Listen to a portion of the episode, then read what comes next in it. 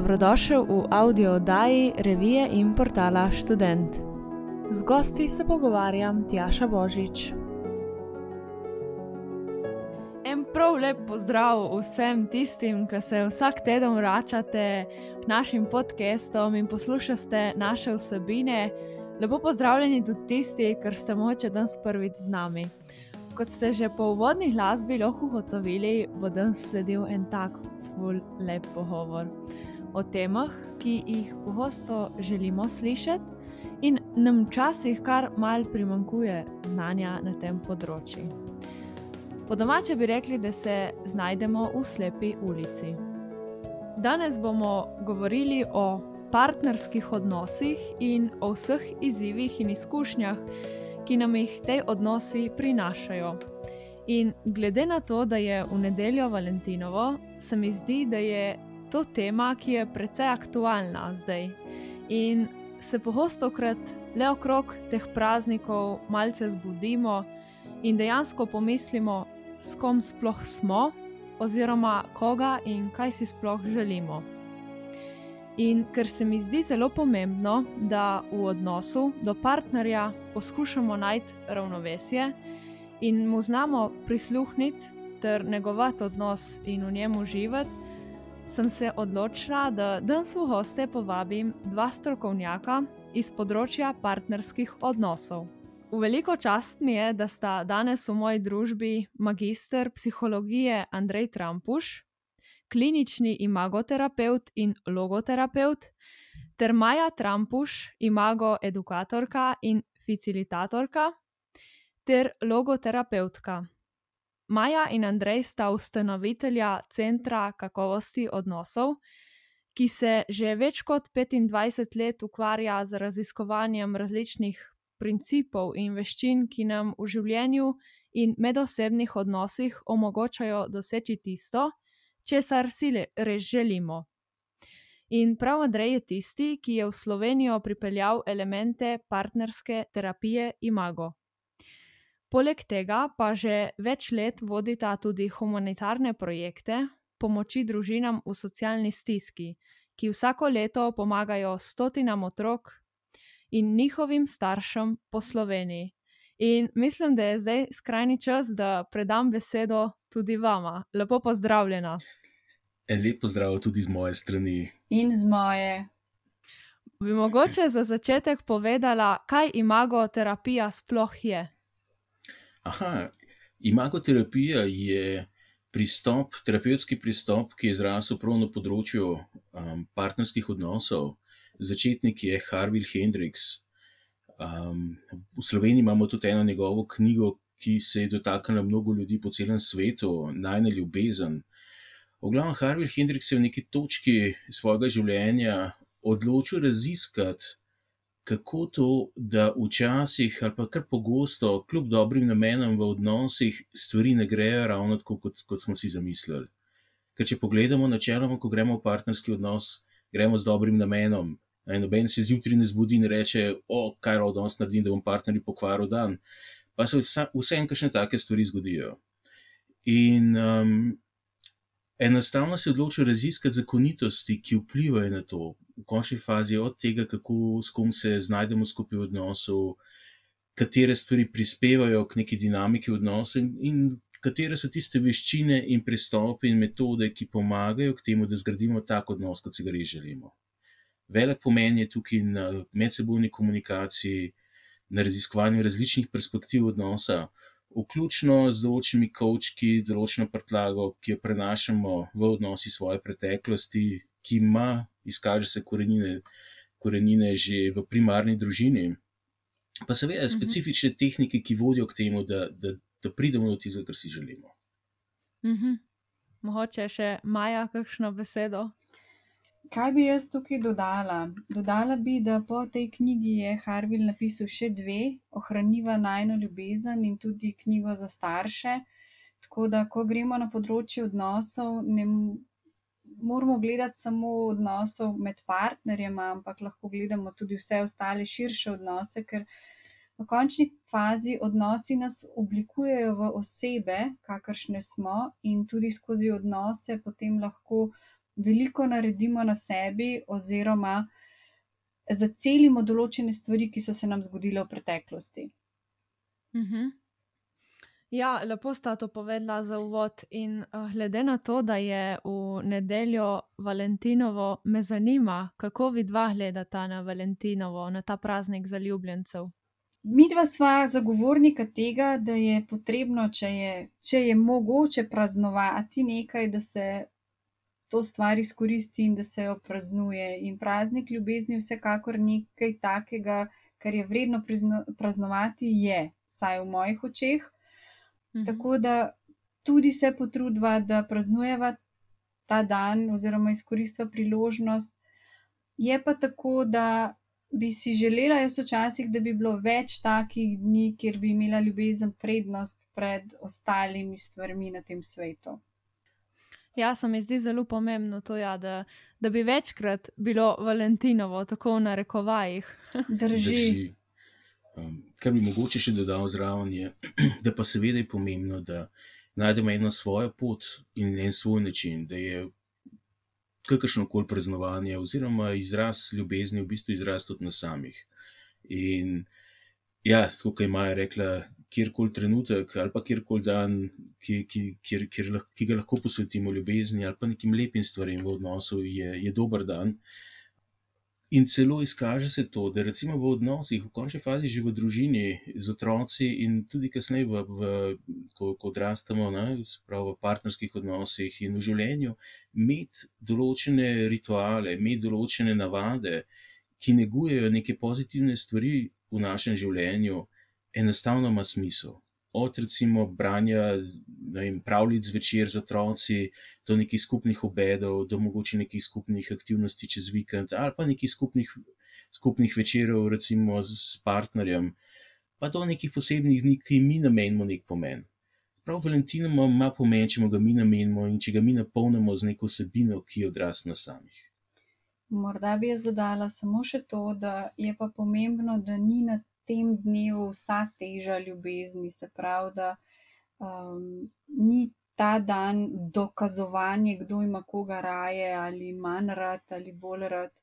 Da znamo tudi prepoznati ljubezen, različne oblike ljubezni, ki si jih ljudje dajemo. In če morda Valentinovo včasih bolj usmerjeno v dajanje daril in nekih romantičnih trenutkov, so še drugi načini, ki tudi izražajo ljubezen in ki so včasih morda celo bolj pomembni. Uh, in je dobro razumeti, da ni Valentinovo vedno, oziroma da je Valentinovo ne pomeni popolni odraz tega, kaj neka oseba pravzaprav sploh čuti do nas. Je samo neka prilika za neko praznovanje. Ima smisel. Ja, to se mi zdi zelo pomembno, ker ste omenili, da, da niso darila najpomembnejša, da je predtem veliko ostalih stvari, ker je v odnosu veliko bolj pomembnih, tudi recimo pogovor in um, naša pozornost partnerju in naš čas, ki ga posvetimo, verjetno. Ja, drži. Um, en, izkaže se, recimo, Gary Chapman je v svoji knjigi Pet jezikov ljubezni na en tak zelo lep način se dotaknil tega, da enostavno ja, svojo ljubezen izražamo na različne načine in tudi občutimo na različne načine. Ne? Nekomu je recimo morda najbolj pomemben skupen čas, nekomu je najbolj pomemben ali pa zelo pomemben recimo dotik. Nekomu bo pomemben, se ga zelo dotakne, če, mu, če naredimo neko ljubečo gesto, neko dejanje za njega. Um, lahko so to besede, pogovor, izražanje ljubezni, zanimanja, pohvale. Um, in tudi darila imajo svoje mesto. Če gledamo nas kot otroke, v resnici smo znali sprejemati, pa tudi dajati um, ljubezen skozi vse te načine. In verjetno je to tako, tudi ko smo odrasli, je prilika ali pa možnost, um, da, da obudimo vse te načine. Pa čeprav je dejstvo, da, da načeloma skozi socializacijo se bolj navadimo prejemati ali da je, naj se nas bolj dotakne en, en drug ali tretji način. Um, ampak vsi imajo svoj smisel. In, Mhm. in če smo že pri partnerskih odnosih, je zanimivo to, da dosti krat tisto, kar si partner najbolj želi od nas, od teh jezikov ljubezni, je lahko nekaj, kar je nam najtežje dati. In lahko v ne izobraženem odnosu, mogoče bi ta izraz uporabila za začetek, uh, partnerji pomislijo, da to predstavlja, da jih partner nima rad. Ampak v resnici ne gre za to. Gre za to, da se sporazumemo, kaj je tisti jezik ljubezni, ki nam nekaj pomeni, in kaj je jezik ljubezni, ki partnerju pomeni, in uporabljamo to čim večkrat. Se pravi, da se naučimo na nek način malo tudi preseči sebe in narediti stvari, ki nam morda niso tako zelo blizu. Drži. Doskrat je točno to, kar si partner želi z naše strani, točno tisto, kar ima smisel tudi z vidika neke naše osebnostne rasti. Je pa pomembno tudi, da se o teh stvarih pogovarjamo dovolj konkretno, da si res povemo, kaj potrebujemo, ob čem se čutimo ljubljene. Ker če govorimo na splošno, recimo, ja, to, da, da si bolj prijazen ali pa prijazna z mano, morda si drug ne more predstavljati, kaj to zares pomeni. Rabimo biti dosti konkretni na vseh teh področjih, se rabimo pač pogovarjati.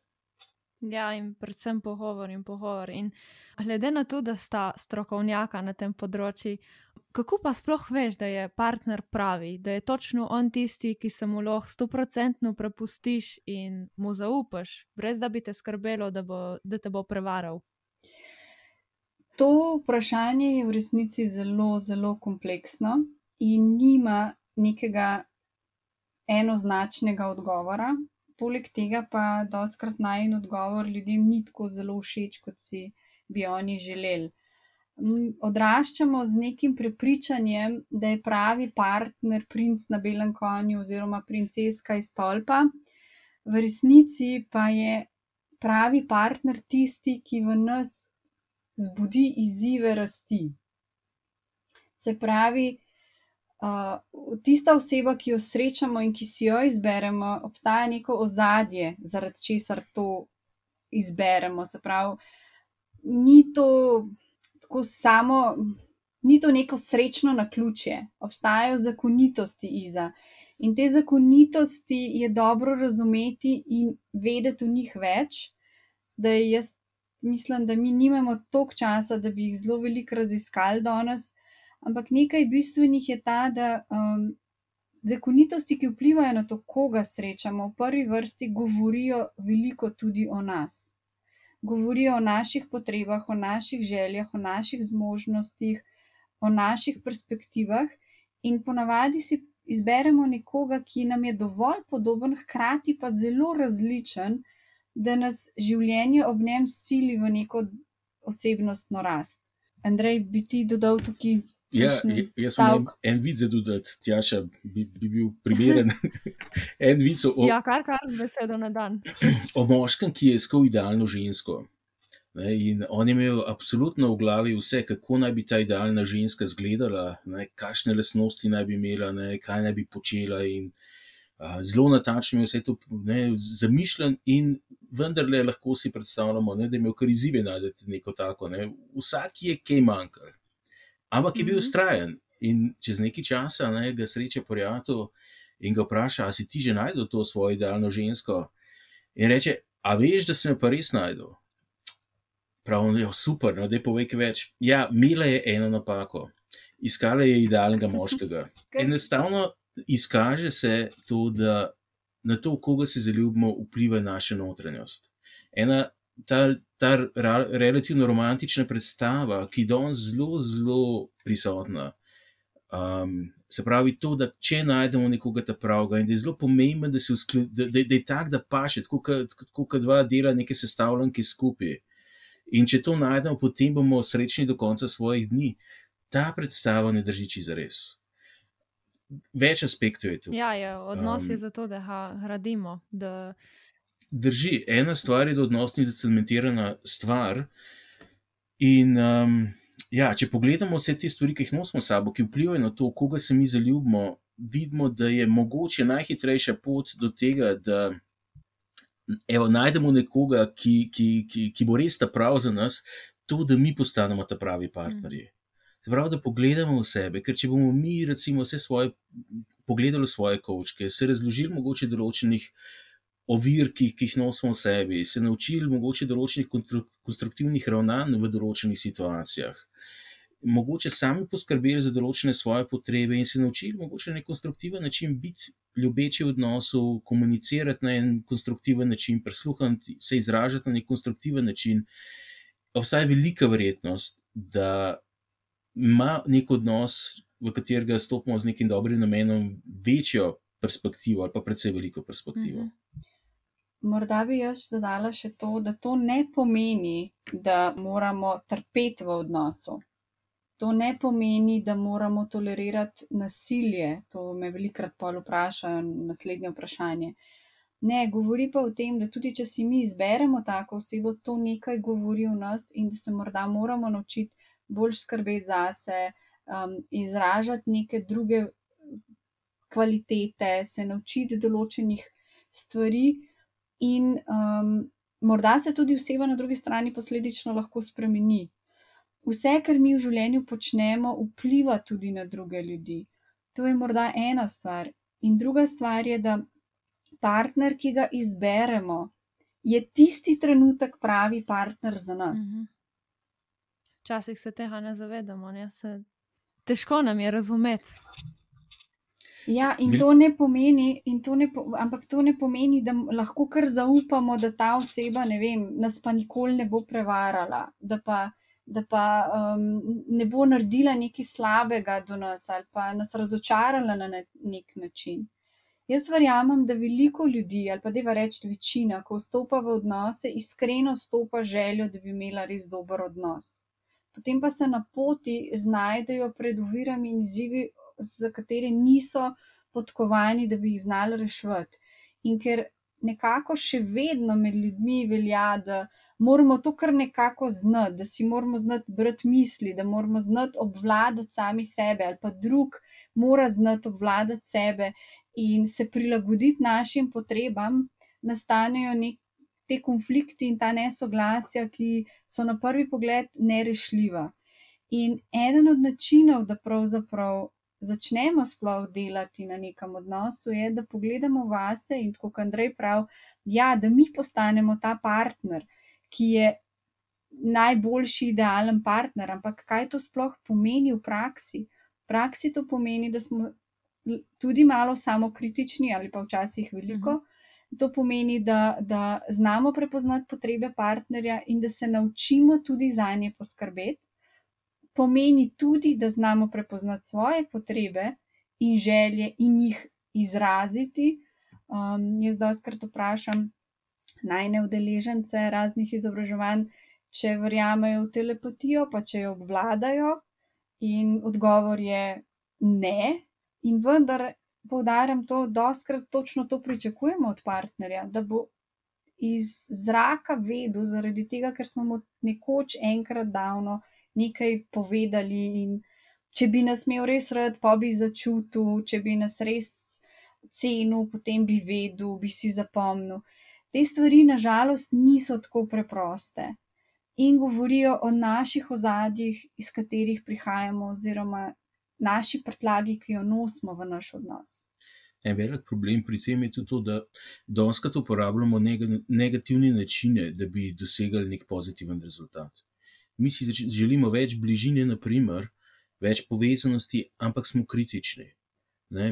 Mi želimo več nega, neke sproščenosti, um, mogoče nekaj občutka svobode, ali pa mogoče nega, neke sprejetosti, pa se umikamo. Veliko krat uporabljamo stvari, ki enostavno ne prenesejo tiste, kar si želimo, ker jih partner na ta način ne more razumeti, ampak je samo prizadet ob naših ravnanjih. Enkrat je Harvey Hendrix rekel, da kaj je zaljubljenost. Zaljubljenost je naraven proces, ki nas spravi skupaj z nekom, ki bo postal naš, naša nočna mora. Kaj je tukaj mišljeno, v kakšnem smislu? Gre, gre za to, da veliko krat nas pritegnejo lasnosti pri ljudeh, ki so za nas komplementarne. Veliko krat nas pritegnejo lasnosti, ki nas silijo v neko, v neko osebnostno rast. Veliko krat nas pritegnejo lasnosti, ki nas opozarjajo na neke naše nezaceljene bolečine in rane iz preteklosti. In na začetku, v prvih trenutkih, ko so hormoni, ko se hormoni dvignejo, ko smo polni oksiticina, testosterona, feniletilamina, in raznih drugih stvari, se počutimo varno, se počutimo povezano, čutimo privlačnost, počutimo se domače. In vendarle, skozi čas, ko te, te, te hormoni padijo, začnejo prihajati vsebine na dan. Ena stvar, ki nas pritegne, je to, da recimo, je drug drugačen. Veliko krat je neka idealna predstava, je najti nekoga, ki bo tako kami, ne, ki bo razmišljal tako kami, ki, bo, ki ga bo zanimale iste stvari, kot nas. Morda do neke mere, ampak v resnici se zgodi, da nas potegne nekdo, ki je, ki je, ki je ravno, ki ima nekaj, kar mi nimamo. Recimo, če smo mi bolj zadržani, kdo nas bo pritegnil? Nekdo, ki je tudi v zadržanju, bomo potem sedeli na 10 metrov in se gledali nadaljavo. Ne, pritegne nas bo nekdo, ki bo morda na prvi pogled bolj odprt. Če smo mi, recimo, neodločni, bo, in obratno, seveda, če, če smo mi v bistvu zelo navrnjeni, zelo čustveni, ne? morda nas bo pritegnil nekdo, ki pa zna biti bolj sam s sabo. Um, in v resnici je Doskrat tako, da tiste stvari, ki nas v neki točki na začetku privlačijo, so iste stvari, ki nas kasneje vlečejo na razen. Dokler se ne zavemo tega in na nek način ustavimo konje, se začnemo pogovarjati, začnemo raziskovati te stvari, začnemo raziskovati potencijale in enostavno se odločimo za neko, za neko svojo rast. Brez tega pa drži, gremo gremo po nekih vzorcih, ki smo, kateri smo navajeni, tudi trudimo se v okviru teh vzorcev. In potem je doskrat pač tako, da ja, se zapletemo v neke situacije, ki so boleče, in ja, vse skupaj lahko rata neka nočna mora, ker vsem pa drži, ne, partner stopi v našem nezavednem neko zelo pomembno mesto. Ehm, na, na isto mesto, kot so ga imeli starši, ko smo bili, ko smo bili otroci kar pomeni, da stvari, ki se dogajajo, imajo zelo velik pomen za nas. Če so boleče, zelo bolijo. In če so lepe, so lahko zelo lepe in so tudi zelo zdravilne in celijo stare izkušnje, imajo potencial celiti stare izkušnje in, in vodijo k neki izpolnitvi. Ampak rabimo mi izpolniti določene pogoje, da pridemo do tja. Da pridemo do tja. Ja. Pa zdaj me zanima tukaj. Um, A je ok, recimo, vstopiti v novo zvezo, če še nisi stoprocentno prebolel prejšnje? Mislim, po tem, kar smo zdaj slišali, bi bil moj odgovor v trenutki ne, vsekakor ne. Vsekakor je zelo napor, bolj naporno stopiti v novo vezo, če prejšnje nismo preboleli, ker moramo hkrati predelovati dve stvari. Je pa ena stvar, ki se zelo pogosto dogaja, ker veliko ljudi težko izstopi iz prejšnje veze, če nimajo nekoga novega. Eh, ker je ta bolečina razhoda zelo, zelo velika. Um, po nekaterih raziskavah celo večja od tega, če ti nekdo umre.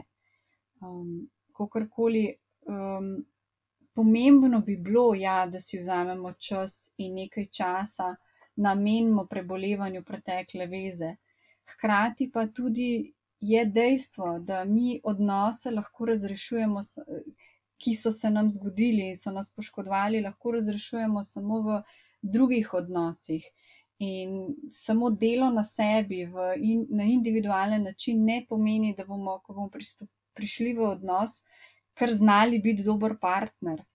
Preprosto zaradi tega, ker veliko stvari v naših odnosih se dogaja na nezavednem nivoju in možgani odreagirajo, preden mi sploh vemo, zakaj odreagirajo in kaj, kako odreagirajo.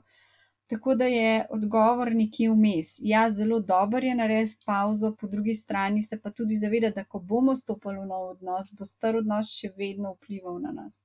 Kar bi jaz še dodal zraven, je, da je, ne gre čisto samo za prebolevanje.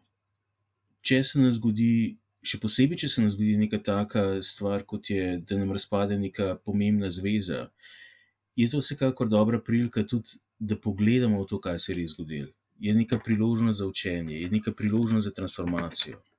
Če tega morda zaradi takih ali drugačnih razlogov nismo zmogli skupaj v nekem odnosu, je to še vedno zelo smiselno narediti pač potem, da sami pogledamo v končni fazi in lepe stvari, in boleče stvari, svoje ravnanje, partnerjeve ravnanje, da, da pravimo razumeti določene dinamike ki so se zgodile, in da se tudi začnemo učiti in se učimo stvari, ki, ki vodijo ki, ki novih veščin in stvari, ki, ki transformirajo te stare stvari. In vsekakor drži to, kar je Maja rekla, da um, ja, vsekakor nek odnos, vsak odnos na nek način preseneti. In vsak odnos prenese neke specifične stvari. In z vsakim, prav s tem partnerjem, rabimo odkriti v bistvu neko pot, ki bo, ki bo vodila k nekemu dobremu občutku, k neki izpolnjenosti, k neki povezanosti, k nekemu občutku svobode za oba. Tudi, ja, določene naloge lahko res upravimo šele potem, ko smo v partnerskem odnosu, vendar po drugi strani lahko naredimo pa mnoge pomembne korake že prej. Kar je dobra novica tudi. Recimo pristopi, kot so imago, pa tudi nek to, to, to, ta pristop, ki se ga potem midva razvila v zadnjih letih, um, daje neko priložnost, da rastemo skupaj, tudi če nismo stoprocentno popolni, če nismo stoprocentno preboleli vseh stvari iz preteklosti, če nismo stoprocentno transformirali vseh svojih ozorcev. Ker verjetno smo vsi opazili, da na tem svetu je relativno težko biti popoln. Ker pomeni, da vsak odnos bomo prišli do neke mere lahko rečemo, ranjeni, do, z nekimi svojimi izkušnjami, z nekimi svojimi tudi bole, bolečinami in z nekimi svojimi navadami, vzorci, boljšimi in slabšimi. In um, dobra novica je, da obstajajo načini, kako gremo skozi po, po neki tej poti ustvarjanja neke, neke, neke izpolnjenosti odnosov, pa tudi v svojem življenju, lahko z roko v roki. Veliko krat ljudje tega ne znamo. Ne, veliko krat pač, če stvari grejo skupaj, grejo skupaj, če ne grejo skupaj, ne grejo skupaj, in že glede na te osnovne zakonitosti, doskrat ne grejo skupaj. Ne znamo pa skupaj oblikovati nekih stvari in izkoristiti te, tega potencijala. Če pogledamo statistike, ne, statistike govorijo o tem, da je na nek način v partnerskem odnosu srečnih 5% ljudi. Govorijo o tem, da razpade približno 50% prvih partnerskih, prvih pomembnih partnerskih zvez govorijo o tem, da razpade 60% drugih partnerskih zvez. Se pravi, bi človek rekel, ah, prvi sem napačno izbral, zdaj bom pa najdel enega drugega božga ne, in pol pa bo, ne, pol bom pa, pa, pa, pa, pa vse v redu. Ne. ne zgodi se to. Recimo, evo, preboleti prejšnjo zvezo. Statistike govorijo o tem, da zvez, ki nastanejo iz skokov čez plot, razpade 83%. Ker vse govori o tem, da je samo to, da menjamo partnerje, da, da iščemo drugega, um, da ne vodi morda k rezultatu, ki si ga želimo. Prav ena ključna stvar pri vsem skupaj je odločitev, da pogledamo v stvari, da se pravimo naučiti, da pravimo raziskati stvari, da prevzamemo odgovornost primarno zase in tudi svoje življenje. Pa seveda, pol, če smo v odnosu nekako skupaj, če se le da za, za nek skupen odnos. Kaj pa take zveze, ki je med partnerjema veliko let razlike, uh, prinašajo kakšne posebne izzive? Vsekakor lahko prinašajo velike izzive. Recimo, uh, teoretično problematične so veze, kjer je ena oseba zelo mlada, druga mlada pred 30 letom in druga stara tam po 40 letu zaradi tega, ker gre že za generacijske razlike lahko. Um, druga problematična vez bi bila recimo po 30. letu, ko si neka oseba še želi otroka, nekdo je pa že prestar za med družino. In to so lahko te prepadi. Tako da uh, ni sicer nekega recepta za uspeh, koliko let na razen pa je tistih idealnih let, vendar pa so ja, lahko razlike v letih tudi težava. Uh mhm. -huh. In kaj pa recimo, eh, prej smo omenili te statistike, ker eh, razpadajočih zvez, ki so bile dejansko precej velike. Ampak kako pa nekdo ne odreagira, kadar izvede, da je partner prevaril? Kaj v tem primeru narediti? Predvsem poiskati eno terapevtsko pomoč v prvi vrsti, ker za tak dogodek v odnosu je lahko več razlogov. Ni vedno samo tisti kriv za stanje v odnosu, ki je prevaral.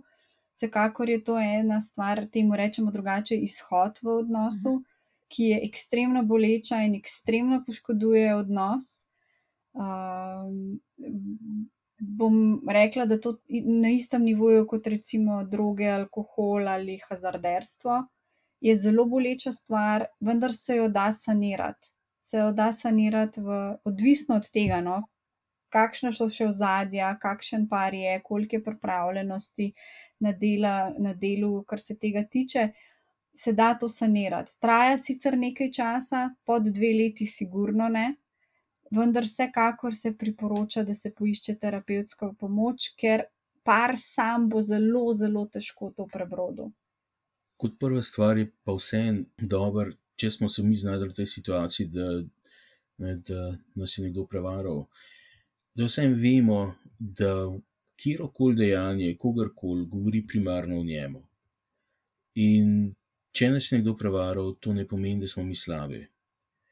In pomembno je, da tega ne vzamemo na sebe, ker tudi če drugmu zaradi tega drugačnega razloga ni bilo kaj v redu, ali je pogrešal določene stvari, ali ima pač neke svoje impulze. Um, ob, obstaja, so vedno obstajale različne možnosti, lahko bi naredil nekaj drugega. Lahko bi se pogovoril, lahko bi bile mnoge, mnoge poti bi bile lahko odprte, in če se je odločil za ta korak, ta stvar govori o njemu. En velik problem v teh, teh situacijah je, da, imamo, da se zelo hitro zbudijo ti občutki, da mi nismo v redu, da mi nismo dovolj dobri za drugo osebo, in tako naprej. In res se izkaže, da je relativno težko, ne pomeni, da se ljudje ne ostajajo skupaj, ostajajo skupaj tudi, ali pa grejo na razen. Um, ampak ni lahko, mnogo krat ni lahko to predelati, da predelamo to sami.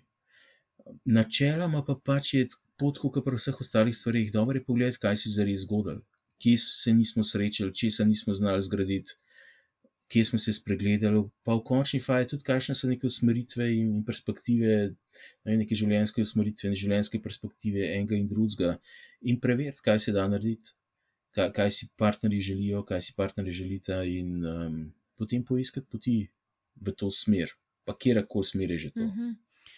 Prej smo slišali, kakšna uh, je statistika ločitev, in v zadnjem času se mi zdi, da je še, pač še bolj pogosto krat slišimo, da je ločitev še več. A se vam zdi, da prehitro obupamo v odnosu, ali zakaj sploh do tega pride? Odgovor je ja. Ja, nek, nek um, predvsej znan terapeut je rekel, da si ločitev rabimo zaslužiti. Pričemer ne gre za to, da si. Da, da da gre za neko moraliziranje. Ampak gre za to, da če res ne raziščemo stvari, ne prevzamemo odgovornosti in gremo naprej z vsemi istimi kočki, z vsemi istimi, z, z enakimi principi delovanja, z enakimi načini komunikacije, če ne spremenimo nekaj stvari pri sebi. In z enakimi nezavednimi slikami, ki, nas, ki, ki vodijo k temu, s kom se srečamo, smo enostavno na zelo dobri poti, da ponovimo staro zgodbo. Zato to statistike tudi, tudi um, govorijo o tem. Kaj pa prepiri, recimo, ja. ja, mogoče Maja si mislila še kaj dodati?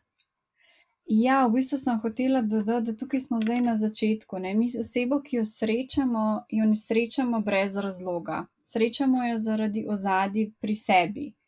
In kot sem rekla, je to prilika, da se nekaj naučimo. In če grem na prepire, Um, pripiri so pravzaprav tudi, tudi Harvilova tako lepa izjava, prilika za rast. Pripiri so področja, kjer imata partnerja možnost se učiti drug od drugega in najti skupno, po, um, skupno stališče. Mi imamo prevečkrat v odnosu željo imeti prav, biti tisti, ki je naše stališče edino pravo. Vendar zavedanje, da pravzaprav odnos stopata dve relativno različni osebi, ko smo že pri statistikah, naj, pri najbolj harmoničnih parih so izmerili 63% razlik, govorimo o zanimanjih, o načinu delovanja in tako, kar je zelo visoka številka. In um, prevečkrat imamo to tendenco, da poskušamo uveljaviti svojo voljo, svoj princip, svoje prepričanje, ker se nam enostavno, oziroma ne potrudimo se dovolj uživeti se v kožo drugega človeka. Premalo se poslušamo in preveč govorimo. Premalo začutimo, kaj se z drugim dogaja, in tudi premalo povemo resnice o sebi, kot je že Andrej malo prej povedal, da oskrat hočemo na negativen način dobiti pozitivno. Ne, Rec, ne vem. če bi me imel rad, pol bi to pa to naredil. Partner to sliši, aha, nimam te rad, jaz se toliko trudim, ti pa praviš, da te nimam rad. Če bi pa ta oseba rekla, jaz bi si želela, da me imaš rad na ta način, da me vsak dan objameš, najmanj za pet minut, močno stišneš k sebi, bi pa to prej ali slej do, tega, do te osebe verjetno prišlo, oziroma bi se potrudila to v tej smeri narediti. Pri prepirih je enako, če se dogaja prepir, sta dve stališči, ki sta enako vredni v smislu pravic. In iskanje nekega dogovora, neke harmonične rešitve, ki ustreza obema, se meni zdi zrela pot oziroma zrel odnos do neke situacije v katerem koli odnosu. Dejstvo je, da so korenine tukaj izhajajo iz otroštva. Recimo otrok, ki ima veliko izkušnjo, da pokaže neke svoje občutke, neke svoje želje, neke svoje vem, impulze, da sledi nekim svojim impulzom in je bil v tem spregledan ali pa celo kaznovan, se bo navadil česa, navadil se bo umakniti. Nekdo, nekdo, nekdo drug je kot otrok, recimo, bil pažen, sam če je bil glasen in se bo navadil biti glasen. Veliko krat se zgodi, da pač te stvari, ko odrastemo, pač te principe, če ne delamo res zavestno na, na sebi, odnesemo, odnesemo sabo in jih odnesemo v partnerski odnos raven tako. In te stvari nam pomagajo preživeti. So izraz neke naravne inteligence otroka, ker je logično, če, če, če, če je neka stvar prinaša bolečino, je bolje, da počnemo nekaj drugega in otrok valjda se prilagodi. Ampak v praksi to pomeni, da tudi kasneje v odnosih nekdo je bolj nagnen k temu, da, da pritiska, da je glasen, da, da prej napada, da je prej kritičen. Nekdo je mogoče nagnen k temu, da se umika, da se skrije, da ne pove mogoče po resnici, zadrži. Pač na različne načine. In gre za neke obrambne mehanizme, ki se sprožijo, ko nas, ko nas stvari zabolijo.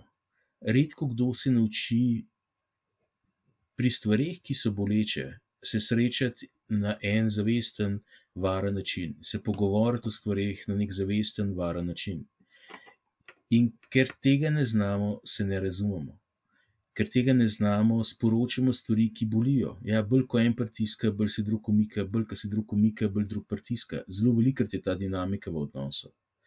Zaradi tega veliko krat obupamo, zaradi tega tudi padamo v te tukaj imajo rekli izhode, ne, ne manjka bližine, pa to bližino začnemo iskati nekje druge, lahko pri otrocih. Ne, stisnemo svoje otroke, zaspimo z njimi, zvečer otroci so topli, prijazni, ne, vedno so odprti za to, partner pa s partnerjem ni vedno tako. Ne, lahko je to, ja, ne vem, najdemo neko zvezo zunaj odnosa. Lahko nam manjka občutka, da smo v redu, taki kot smo, da, da smo pomembni, taki kot smo v partnerskem odnosu, pa ne vem, to iščemo to, na način, da smo najboljši v službi, da smo najboljši v športu ali nekje druge. In tukaj se potem pridejo te razne stvari, ki jih počnemo, zato da bi dobili nekaj, kar nam manjka, ali pa da si izognemo neki bolečini. Naprimer, doma je nekaj, vse čas neka napeta atmosfera, s prijatelji se pa lahko sprostimo, pa gremo ven, pa se s prijatelji pogovorimo, ali pa s prijatelji nekaj popijemo. Ne? In pademo v neke načine, ki nam v resnici ne prinašajo za res v svojem bistvu tistega, po čemer zares krepenimo, ampak nam pomagajo preživeti, nam ulajšajo situacijo.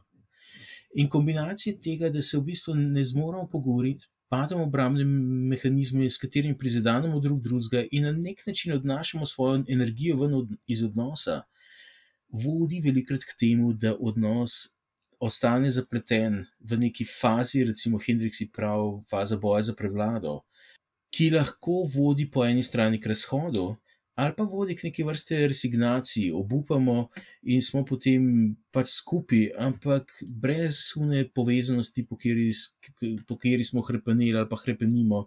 Ne, pač nekako pristanemo vse skupaj, poskrbimo za logistiko, nekako živimo skupaj.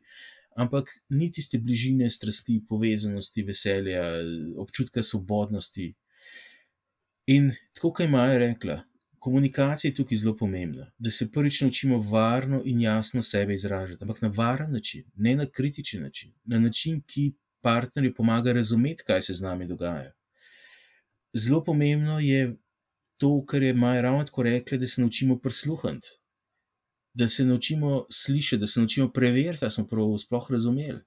da se naučimo razumeti, vstopiti v, neke perspektive drugega. Ker ja, različni pogledi so na tem svetu možni, pa ne samo pogledi, različne občutje, različne potrebe, različne, različne, iz različnih zgodb prihajamo. In rabimo biti pripravljeni razumeti neke perspektive, ki jih imamo.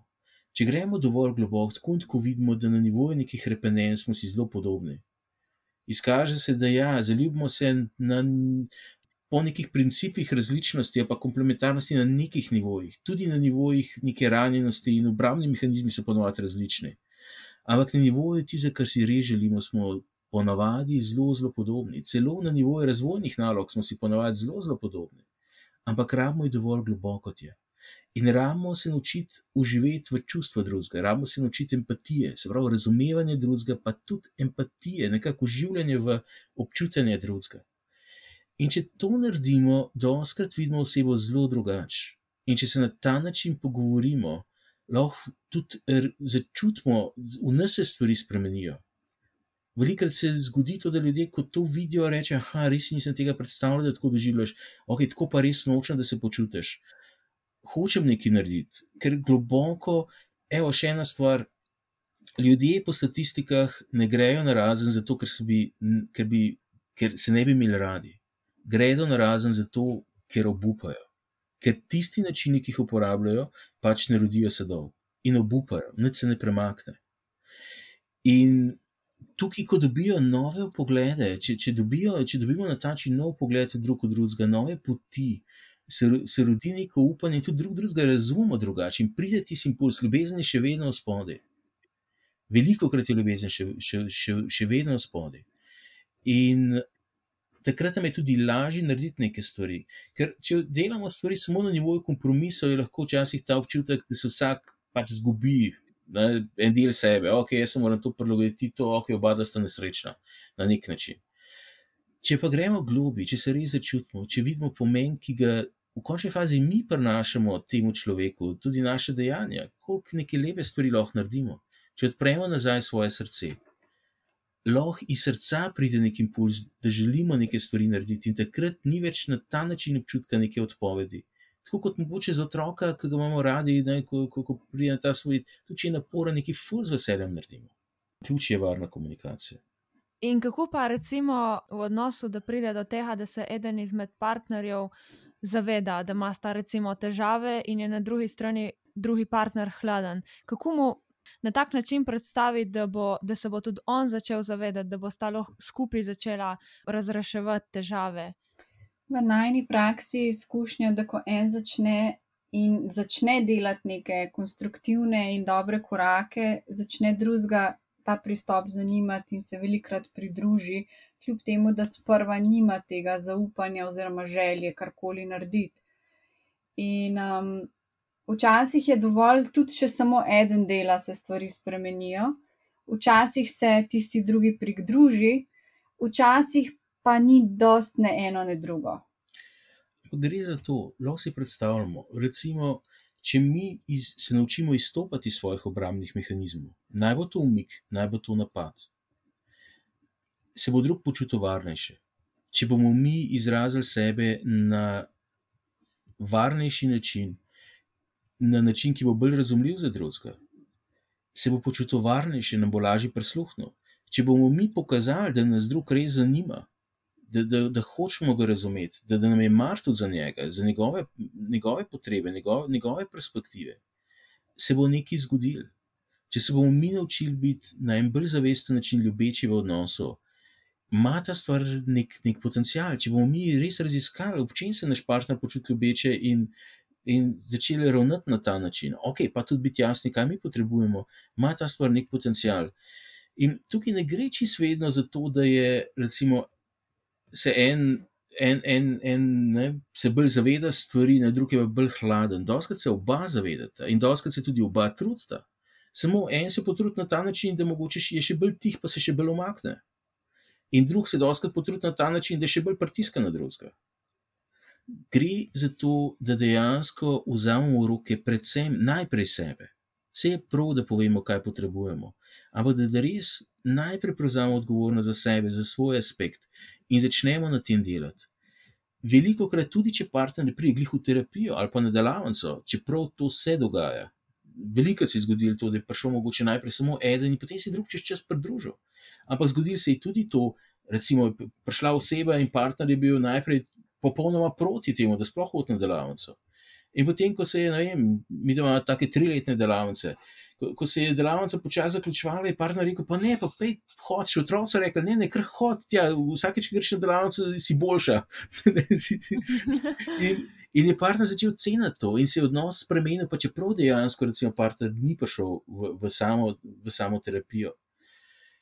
Je pa po drugi strani res, da je to lahko eno fulepo darilo, ker olajšamo pot in drugmu, in v resnici tudi sebi. In mogoče je bilo na tem mestu tudi čisto smiselno omeniti to, da je včasih na tem času še vedno, čeprav je vedno več ljudi, vedno več je nekega zavedanja. Ne. Pred leti, ko sem, sem se odločil pripeljati mago v Slovenijo, recimo, je bilo manj teh možnosti, manj, manj je bilo informacij, manj je bilo terapeutov, manj je bilo nekih informacij na splošno te, v tem področju. Do, in danes je, danes je več tega, ampak še vedno je lahko, da se ljudje počutijo slabo v smislu, ne, kot da jo, je nekaj narobe z mano, če grem v neko poiskati ali neko pomoč, ali pa v končni fazi, če se vključim v nek program, kjer se naučim stvari, ker se ne gre samo za, velike tukaj gre za enostavno učenje, za spoznavanje stvari. Recimo, ne, če, gremo, če se hočemo naučiti igrati klavir, je najbolj logična stvar, da gremo v glasbeno, ker nam bo tako siguren lažje, kot če bomo provali se to sami naučiti. V resnici velja tukaj tudi, tudi, tudi tukaj velja ista stvar. Gre principu gre za stvari, ki so nam zelo, zelo skupne. Tudi ljudje, ki pridejo, ja, ok, vsak ima neke svoje probleme, ampak če gremo dovolj globoko, lahko vidimo, da smo si ljudje zelo podobni. Imamo zelo podobna hrepenenja, podobne bolečine. Podobni, podobni so na nek način podobne zakonitosti. Ne, ok, ja, vsak ima nek svoj priokus, in, in, ne, ampak so, v principu smo si zelo podobni. Ne pomeni to, da če gremo neko tako stvar, da je, da, je to, da je z nami res nekaj narobe. Mogoče je to lahko v resnici en, en zelo velik znak neke zrelosti. Um, je pa dejstvo, da veliko krat ta stvar lahko olajša pot in če se partnerje skupaj odločila za neko tako pot, je lahko to res ena najhitrejših poti, gli zato, ker smo vsi tako pomembni in, in ker, ker smo vsi komplementarni in ker se najdemo po nekem posebnem ključu. Je, je lahko to ena res najhitrejših poti, do tistega, kar želimo v resnici v življenju, in do neke osebne celovitosti in, in neke transformacije tudi nas kot osebnosti.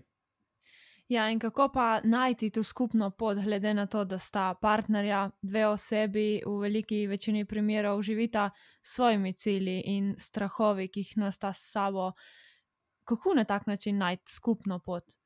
Prva stvar je, da začnemo raziskovati sebe, spoznavati sebe in potem tudi bolj spoznavati partnerja. In včasih je začetek že samo to, da začnemo neke skupne dejavnosti, nekaj poiščemo, nekaj, kar lahko skupaj počnemo, in potem širimo to področje. Um, tudi to, da se nekje potrudimo najti je, jezik, ki je blizu temu našemu partnerju. Um, recimo, primer sem imela, ki je ena gospa prišla k meni in mi je razlagala, kako težko komunicira s svojim partnerjem. In potem sem jo prosila za transkript enega pogovora, ker je pač sama prihajala v terapijo. Sem ji, re, res dala z domačo nalogo, lahko prosim, narediš transkript tega, kako ta vajen pogovor sploh zgleda. In ko je naslednjič prišla, je prinesla na štirih A4 stranih res popis tega pogovora. In potem smo skupaj pogledali ta pogovor. In sem jo opozorila na eno stvar, sem rekla, a si opazila, kako ta levajen pogovor zgleda. Če tvoj del zauzema tri vrstice, partnerjev zauzema mogoče eno tretjino ene. In če boš pogledala skozi vse pogovor, gre tako. In a si res prepričana, da mu daš dovolj prostora za to, da sploh pove tisto, kar želi povedati? ima dovolj časa, ima dovolj tišine. Skratka, če se mi naučimo nekih veščin v pogovoru, bo to definitivno vplivalo na drugega. Pa ni samo to moški, ženska, lahko je obratno. Imamo veliko primerov, ko so moški bolj komunikativni kot ženske in oni pridejo in oni želijo narediti spremembe. Um, vedno gre pa za to, da ko eden nekaj spremeni, se pri drugem začnejo stvari spreminjati in potem se tudi odprejo neke informacije o tem, kaj pravzaprav si drug želi in so ljudje dosti krat presenečeni, kaj vse niso vedeli o svojem partnerju, kaj vse lahko še zvejo in da pravzaprav ni tako malo, ni tako, tako malo stvari, kjer lahko počnejo stvari skupaj. Ja, se mi zdi, da se premalo krat zavemo tega. No? Mogoče še ena misel, prav k temu, um, tjaša, tja kar si rekla, ne, da, da imamo vsak svoje cilje. Mogoče bi ena stvar vse izpostavil tukaj. Na nivoju odnosov imamo pa v bistvu vsi od, od trenutka, ko pridemo na ta svet, dve potrebi ena potreba je to, da se povežemo z drugim, in ena je potreba, da se povežemo sami s sabo. In že, če pogledamo, že mehen otrok, lahko vidimo, da, da, da sledi obem tem, tem impulzom in je odprt za, oba dva, za, oboje, te, za, za oboje teh impulzov. Um, sprejema bližino, reče po crkla, gre v redu naročje, rab to, rab neko varnost, in po drugi strani, po drugi strani um, pa tudi že majhen otrok lahko vidimo, kako se v nekem trenutku usmeri svojo pozornost nekam drugam, se začne igrati z nečim, gleda barve, ki je majhen, gleda svoje prste, na nek način se povezuje sami s sabo. In če za res je ta stvar, čeprav proces socializacije vpliva na to, kako v bistvu te potrebe potem, kasneje, ko smo odrasli, kako jih zaznavamo, pa tudi kako ravnamo v zvezi z njimi in kako jih znamo tudi prepoznati pri drugmu. Ampak če za res so, so vedno žive. In gre za to, da v partnerskem odnosu enostavno, tudi če smo na površini različni, če en ima rajši šport, en pa rajši vem, meditira, um, ni s tem nič narobe. Gre za to, da najdemo načine, kjer se srečamo drug z drugim, kjer, kjer, kjer sledimo tej prvi potrebi, da, da spostavimo neko povezanost, neko bližino. In da najdemo načine, kjer, kjer je prostor za vsakega, da se sreče sami s sabo. Ne, se pravi, tisto, kar je veliko krat v partnerskem odnosu, je kao nek, nek, nek, nek, nek, nek konflikt med tem, ne, med bližino in svobodo. In so na eni strani ljudje, ki bi mogoče za bližino prodali vso svobodo, in ljudje, ki bi prodali za to, da imajo svojo svobodo, so bližino.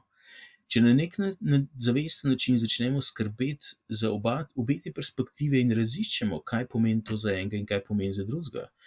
Um, se lahko srečamo, pa čeprav so na površini izgleda določene, določene razlike. In kako pa poskrbeti, recimo, da po več letih zveze še vedno ohrani željo po spolnosti? Tukaj je potrebno predvsem to, da je na drugih nivojih tudi bližina, ne samo v spolnosti. Se pravi, če imata partnera skupne aktivnosti, neko splošno povezanost, je spolnost potem več ali manj lahko tudi rezultat tega. Če je res neka težava v spolnosti, je včasih lahko v zadju tudi zdravje telesa. Tako da je treba tukaj ugotoviti, kaj je izvor tega, da ni spolnost sploh izvenela. In um, ja, predvsem bližino ohranjati, imeti skupne stvari, se izobraževati v odnosu, biti pripravljen biti drugačna oseba in potem se ta privlačnost enostavno povečuje. Ja, jaz bi mogoče omenil dve perspektive še. Ena, ena perspektiva je ta, tudi pri spolnosti. En, en, en aspekt je v to smer, ne, če pogledamo, ne, s kom se počutimo dobro, kdo so naši prijatelji, tisti, ki jih poznamo najdalj. Veliko krat je ta, ta perspektiva, da, da, smo, da neka dolžina, da je neka varnost, neka povezanost, pa ne so neke posebne, posebne lepe stvari, ki se ki se odraža tudi na nivoju spolnosti.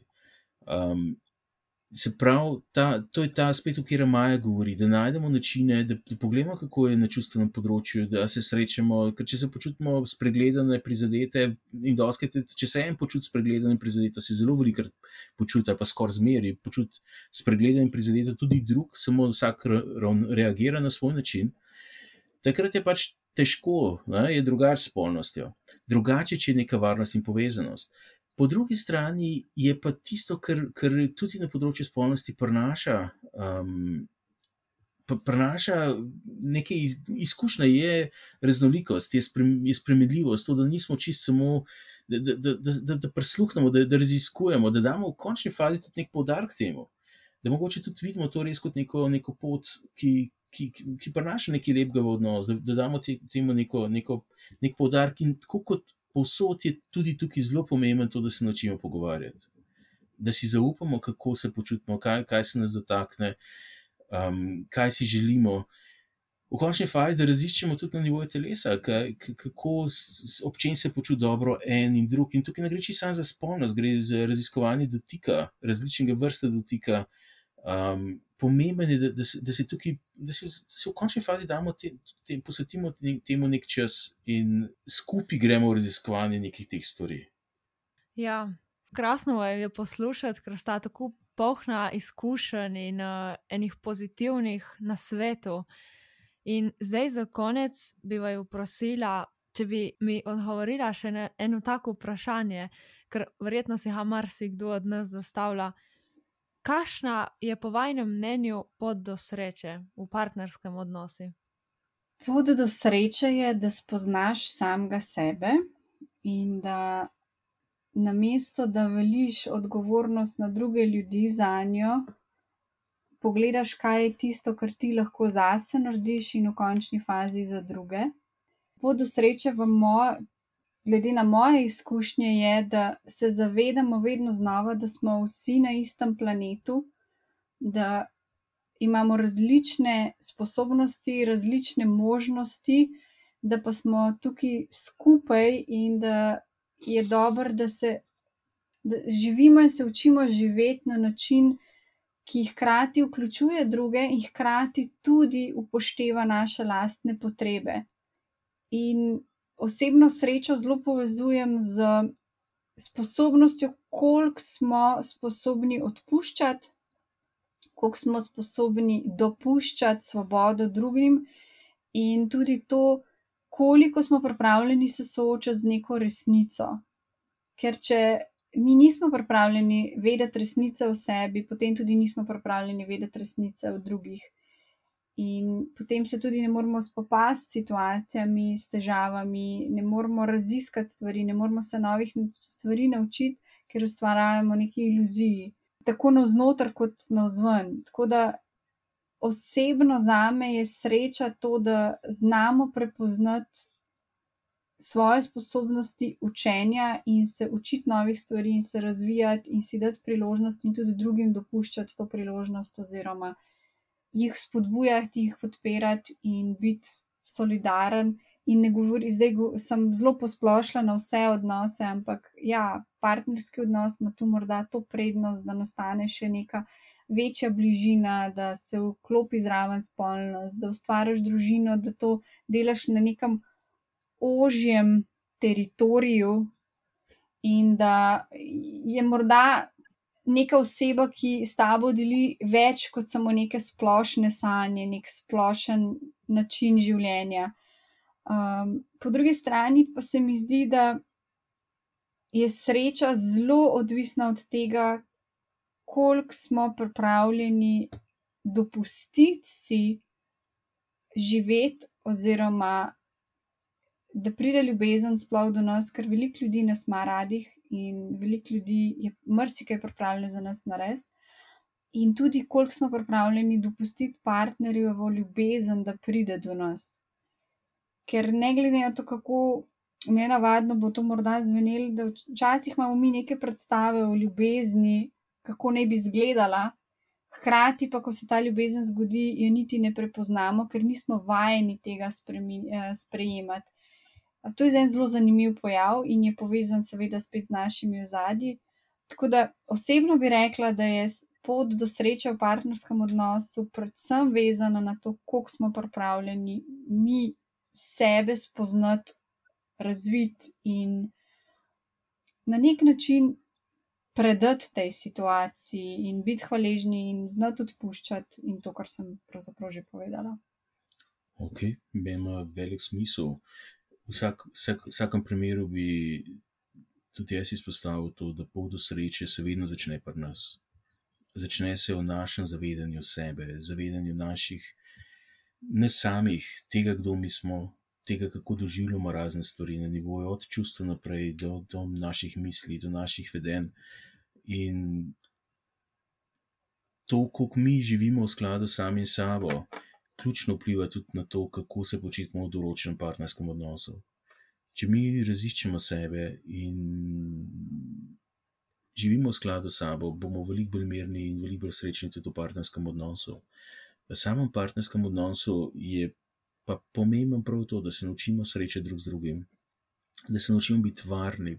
Čisto na praktičnem nivoju je res pomembna neka varna komunikacija, ker brez tega se težko sploh razumemo, ne vidimo se za res, vidimo se napačno, vidimo se velikrat v bistveno slabši luči, kot, kot je dejansko. In um, pomembna, predvsem, je odločitev. Dokler se ne odločimo, tudi na nivoju partnerskega odnosa, ne, stvari se dogajajo, zaljubimo se, kar ne, ne planiramo, ne rečemo, je danes bil ta pravi dan, da se zaljubim. Ne. Tudi ne rečemo, je danes bil ta pravi dan, da ta zaljubljenost mal mine in da se začnejo problemi. Um, stvari se zgodijo, nekaj nezavedno v zadju vpliva na to, hormoni padijo, stvari se dogajajo. Ampak pot ven proti temu, kar zares želimo, gre skozi neko zavestnost, da se odločimo, da se odločimo rasti in, in da se odločimo nekaj narediti, da se odločimo prevzeti neko odgovornost, pa tudi, da se odločimo enostavno si pridobiti določene informacije, določene razumevanje, ker če se samo trudimo v, v okviru tistega, kar že znamo, bodo tudi rezultati zelo podobni. In da smo prijazni na tej poti do sebe in do drugega, in da si damo določen čas.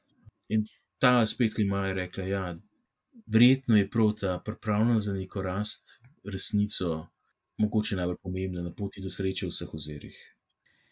Maja in Andrej, jaz se vam iskreno in iz srca zahvaljujem, ker sta si vzela čas in ker sta z nami delila tok svojih izkušenj, eh, znanja in vseh informacij. In smo tako lepo poklepetali, in jaz verjamem, da smo marsikomu vsaj mal spremenili pogled na odnose in na vse, kar je potrebno v njih in kar je tisto, kar dejansko šteje. Hvala vam še enkrat in jaz vam želim srečo še naprej na vajni poti. Hvala ti, še enako tudi vam in vsem poslušalcem. In veselo Valentinovo, lepo Valentinovo in naj traja čim več mesecev, ne samo ta en dan. Hvala ti, Aša. Lajkaj, šeraj, komentiraj. In nam povej, kaj bi rad slišal v prihodnih audio oddajah.